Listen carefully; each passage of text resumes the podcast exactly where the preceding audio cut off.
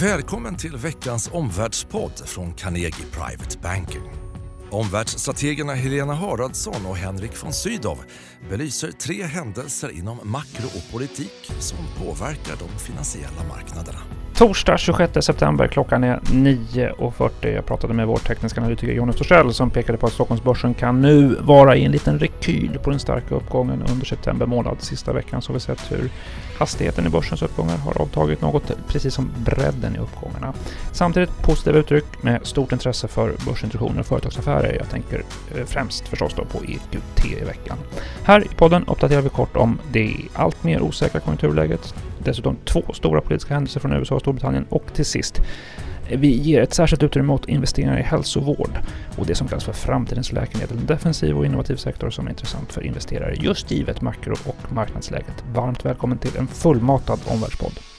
Helena, eh, ditt favoritämne, makrosignalerna, det har ju kommit en rad svaga eh, sådana sista tiden, inte minst från Tyskland, eller hur? Ja, jag skulle vilja säga faktiskt barometrar från hela Europa har varit svagare än väntat. Och mm. det nya var väl att det var både industri och tjänstesektor. Sen är det klart, Tyskland leder nedgången med recessionsliknande signaler. Eh, vi såg IFO häromdagen, framtidsförväntningar lägsta sedan finanskrisen. Men även Europas den här totala barometern med alla sektorer, den ligger väldigt nära den här kritiska expansionsgränsen. Och det här är ju väldigt intressant eftersom ECB vid sitt senaste möte också vädjade om hjälp från politikerna om finanspolitiska stimulanser. Mm. Det sitter hårt inne i Tyskland tyvärr, som är det stora landet. Europa och Tyskland är jätteviktigt för Sverige och svenska investerare. Och i Sverige ser vi hur arbetslösheten stiger. Det är en svagare jobbmarknad. Det oroar lite. Mm. Och USA då? Ja, konsumenterna har varit starka men lite sämre consumer confidence häromdagen på tullar och jobboro. Vi följer också sparkvoten lite som har börjat gå ner, det är något att bevaka. Mm. Annars tycker jag Fedex svaga rapport, det är ett globalt transportbolag, mm. skrämmer. Eh, och runda bordsamtal, alltså med vd i USA, de är fortsatt försiktiga på tullar och handelskonflikter. Om vi tittar framåt, vad är nästa viktiga makrosiffra för dig? Eh, industri och handel i fokus. Vi fick världshandeln igår Svag mm. trend, men ska man peka ut en siffra då är det USAs tunga viktiga ISM-barometer. Den kommer på tisdag. Förra mm. månaden föll den ju under 50, 49 så det är jättespannande. Mm. Generellt jobb och tjänstesektorns signaler för att bedöma hur djup svackan mm. blir. Signaler från USA då, ISM på tisdag sa du. Mm. Vad, vad, vad, tycker du är en trimmad kort slutsats för investerare om makroläget just nu? Ja, vi är i en konjunktursvacka och jag är fortfarande orolig.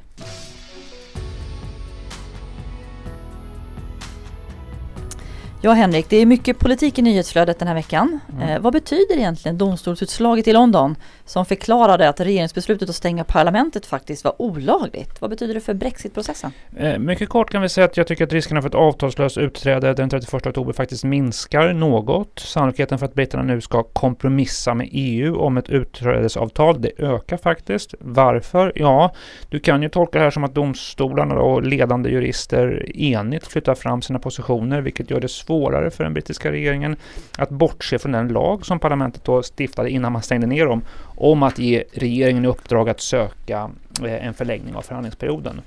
Eh, samtidigt så säger Boris Johnson då att han vill leverera Brexit, do or die, med eller utan avtal eh, den 31 oktober. Så det kan öka eh, drivkraften att faktiskt få ett avtal på plats då. Um, så ska man justera antagande framåt, eh, det, jag skulle uppskatta det nu till 20 procent då kanske för ett avtalslöst utträde. 35 procent sannolikhet för ett avtal, för att man får faktiskt ett avtal på plats med EU. Eh, och ehm, 45 procent för att förhandlingarna då förlängs och därmed också ett, öppnar för ett nyval under mm. hösten. Mm. Det sista är då ett huvudscenario. Mm. Från London till Washington och New York då, där börserna vänder ner efter beskedet att Demokraterna i kongressen nu mm. vill ställa Trump inför riksrätt. Vad betyder det här för investeringsmiljön? Ja, de här nyheterna påverkade Wall Street i tisdags kväll inte minst. Eh, det tog ner amerikanska börser något också. Eh, ja, en, en, också här trimmad kommentar. Det, det är osannolikt att Trumps avsätts som president så länge han håller republikanerna i senaten enade. Det är nyckelfrågan här. För att Trump ska avsättas så krävs det Två tredjedelar av senaten ska rösta för ett sådant avsättande. Det är osannolikt när republikanerna har en eh, knapp men ändå en majoritet i senaten. Hittills är det då bara en enda republikan i senaten, det är Mitt Romney, som har uttryckt oro över Trumps samtal med eh, Ukrainas president som det här då kretsar kring, det är the smoking gun så att säga. Eh, det krävs 20 stycken republikaner i senaten eh, som röstar för att avsätta Trump. Så att det, det är osannolikt. Det är kanske är mindre än 10% sannolikhet, men det kommer bli massa med rubriker om, det här. Mm. Utgå från det där. Konsekvenserna är snarare då att, att säga, polariseringen tilltar i, i kongressen, att det blir svårare att komma överens om gemensamma budgetsatsningar, exempelvis mm. infrastruktursatsningar. Mm. Det var ju två stora händelser, men den korta sammanfattningen för en investerare? Ja, alltså information från handelsförhandlingarna USA och Kina är mycket viktigare än impeachmentrisker eh, och detsamma gäller Brexit. Se upp där. Eh, det är nu nästan bara en månad kvar till britterna mm. faktiskt ska lämna. Helena, särskilt intressant sektor i den här miljön eh, det är ju hälsovårdssektorn. Eh, ofta sedd som en då defensiv sektor, en trygg sektor. Inte så känslig för konjunktursvängningar men också en hög innovationskraft och så att säga en ja, framtida stark strukturell tillväxt eh, mot bakgrund av att vi lever allt längre. Eh, det där är ju starka driv, drivkrafter för, för bolag inom sektorn. Berätta mer, varför är det intressant? Ja, det är absolut en underliggande stark strukturell tillväxttrend. Vi har haft det här som temainvesteringar flera gånger i våra strategirapporter. Men det man ska hålla utkik på det tycker jag är dels pipeline. Mm. Vad har bolagen för produkter under utveckling? Man ska titta på positiva resultat i kliniska studier. Det avgör ju hur nära marknaden man är. Och bolag med bra studier, de blir ofta uppköpskandidater. Mm. Och när det gäller potentialen, ja det är klart att lönsamhet, försäljning, har man en unik produkt, en bättre produkt som blir behagligare för patienten och så vidare, då kan man ju bli en vinnare. Och så blir någon annan en förlorare. Så det där är viktigt att hålla reda på också. Mm. Återkommande diskussion på den här sektorn drivet från USA inte minst. Mm. Är ju den diskussionen att politiker där inte vill se ja, allt för dyra läkemedel helt enkelt. Stämmer. Så man pratar om att reglera priserna. Mm. Hur det dyker upp från tid till annan och nu, just nu ska man faktiskt vara vaksam. För Trump har nyligen tweetat inom det här området. Mm. Han är ju inte så stor vän med, med Nancy Pelosi, då, den demokratiska talmannen i representanthuset som nu också då driver lite den här impeachmentprocessen. Men häromveckan stöd, stödde han hennes plan för högre läkemedelspriser. Han vill gärna se en överenskommelse. Mot högre läkemedelspriser? Ja, ja. och kanske, ja precis. Ja, ja för, mot såklart. Ja. Eh, plan för. Men det är lätt kanske att mötesgå, tillmötesgå Demokraterna just den här frågan inför valet 2020. Så det är en mm. risk för prispress i USA men också kan det intressanta investeringsmöjligheter. Mm. Hur hittar man som investerare vinnare bland alla bolag? Som... Ja, man kan få hitta relativa vinnare och det är ju innovationsbolagen. Eh, om man har en behandling som ligger i framkant med stora patientfördelar då är det mycket lättare att motivera högre priser. Framförallt om det handlar om överlevnad, som man räddar liv. Mm. Vi har också sett en tendens att Läkemedelsverket, alltså FDA i USA, väldigt snabbt gärna vill godkänna preparat inom vissa områden, ofta de här innovativa. Mm. Eh, vi, vi, har ju tidigare uppmärksammat eh, investeringar inom det som vi kallar för framtidens läkemedel. Vilka områden är det mer specifikt? Ja, det är två områden som är väldigt heta. Det har vi ju fått eh, höra i vårt nära samarbete med experterna på Carnegie Analys. Och det första, det handlar om cancer, immunonkologi. Det har beskrivits på konferenser som början för slutet på cancer. Eh, det här handlar om att man använder då kroppens eget immunförsvar för att slåss mot cancerceller cancer, det är ju liksom, det är en av fem som drabbas av cancer före 75 års ålder så det är en jätteviktig och stor marknad. Eh, det här immunonkologi innebär enklare behandlingar, färre biverkningar. Eh, lungcancer i Kina är ett stort område. Man kan ha kombinationsbehandlingar med strålning och så.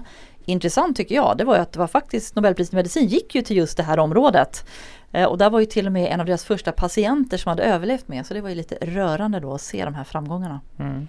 Och också i det här då trenden att vi verkar vara på väg att kunna bota sjukdomar redan vid ja, eh, ursprunget vid källan så att ja. säga. Inte bara behandla symptomen utan faktiskt då ändra i arvsmassan i, i våra celler.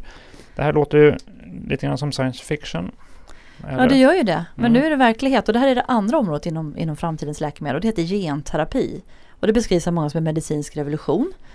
Eh, man går in och korrigerar helt enkelt. Man kan säga så att det nya är att man kan bota där det tidigare inte fanns en chans. Mm. Så muskelsjukdomar, man förhindrar att de hamnar i rullstol, infektionskänsla kan faktiskt leva och, och normalt liv och jobba. Ärftlig bindhet och så vidare kan botas. Började med ett stort projekt 2003 där man kartlade den mänskliga arvsmassan då och sen har kostnaderna för de analyserna dramatiskt fallit då. Det intressanta är att sedan 2017 då så fanns det ju faktiskt ett läkemedel mot cancer inom det här genterapi. Mm. Det är mycket sällsynta sjukdomar men visionen och drömmen det är ju att i framtiden kunna använda de här läkemedlen och den här metoden för att kanske bota som Alzheimer, cancer. Stor pipeline av kliniska studier. Mm. Boom i uppköp. Stora läkemedelsbolag förvärva mindre biotechbolag det här är ett bevis på potentialen i framtiden. Mm. Vad, vad, tycker du, om vi pratar om det här, hur ska man agera som investerare? Vad är din slutsats? Eh, jag tycker ju då att man ska vara medveten om att här går förändringarna väldigt fort. Bolagsaffärer duggar tätt och mycket handlar om vem som har framgång i studier. Det här kräver lite specialistkunskap. Mm. Så gärna aktiv förvaltning. Mm. Jag tycker också som investerare så ska man vara med, man måste vara långsiktig. Mm. Man ska vara medveten om risken för bakslag i enskilda bolag då. Men de här framtidens läkemedel, framförallt områdena då immunonkologi, cancer och genterapi, det här med arvsmassan. Mm. De kan stå emot prisrätt bättre än andra bolag. Man får gärna kontakta sin rådgivare här på Carnegie Private Banking så har vi konkreta investeringsidéer och förslag. Mm. Dagens tre slutsatser i podden då. Makro försämras. Håll koll på ISM men också jobbsignaler och tjänstesignaler. Två, eh, bortsett från impeachment-riskerna i Washington var mer vaksam på London och Brexit som bara är en månad bort. Och tre, hälsovårdssektorn. Det är en sektor som både är defensiv och innovativ. Två heta områden som hör framtiden till är immunonkologi och genterapi. Och ikväll eh, eh, träffar vi investerare och entreprenörer i Göteborg på Space 62 eh, från 17.30 där vi har samtal på scenen med bland andra Jan Svensson, tidigare VD för Latour som ska avslöja vad privata investerare kan lära av Latours framgångar. Nästa vecka presenterar vi vår strategi och allokeringsrapport för investerare i både Stockholm, Göteborg, Malmö och Linköping. Hoppas vi ses på något av de tillfällena och tack för att du har lyssnat idag på Omvärldspodden. Tack för att du har lyssnat på Omvärldspodden från Carnegie Private Banking. Vill du veta mer om vad som händer i vår omvärld och få aktuella idéer till affärer? Gå då in på www.carnegie.se veckans viktigaste och prenumerera på vårt nyhetsbrev.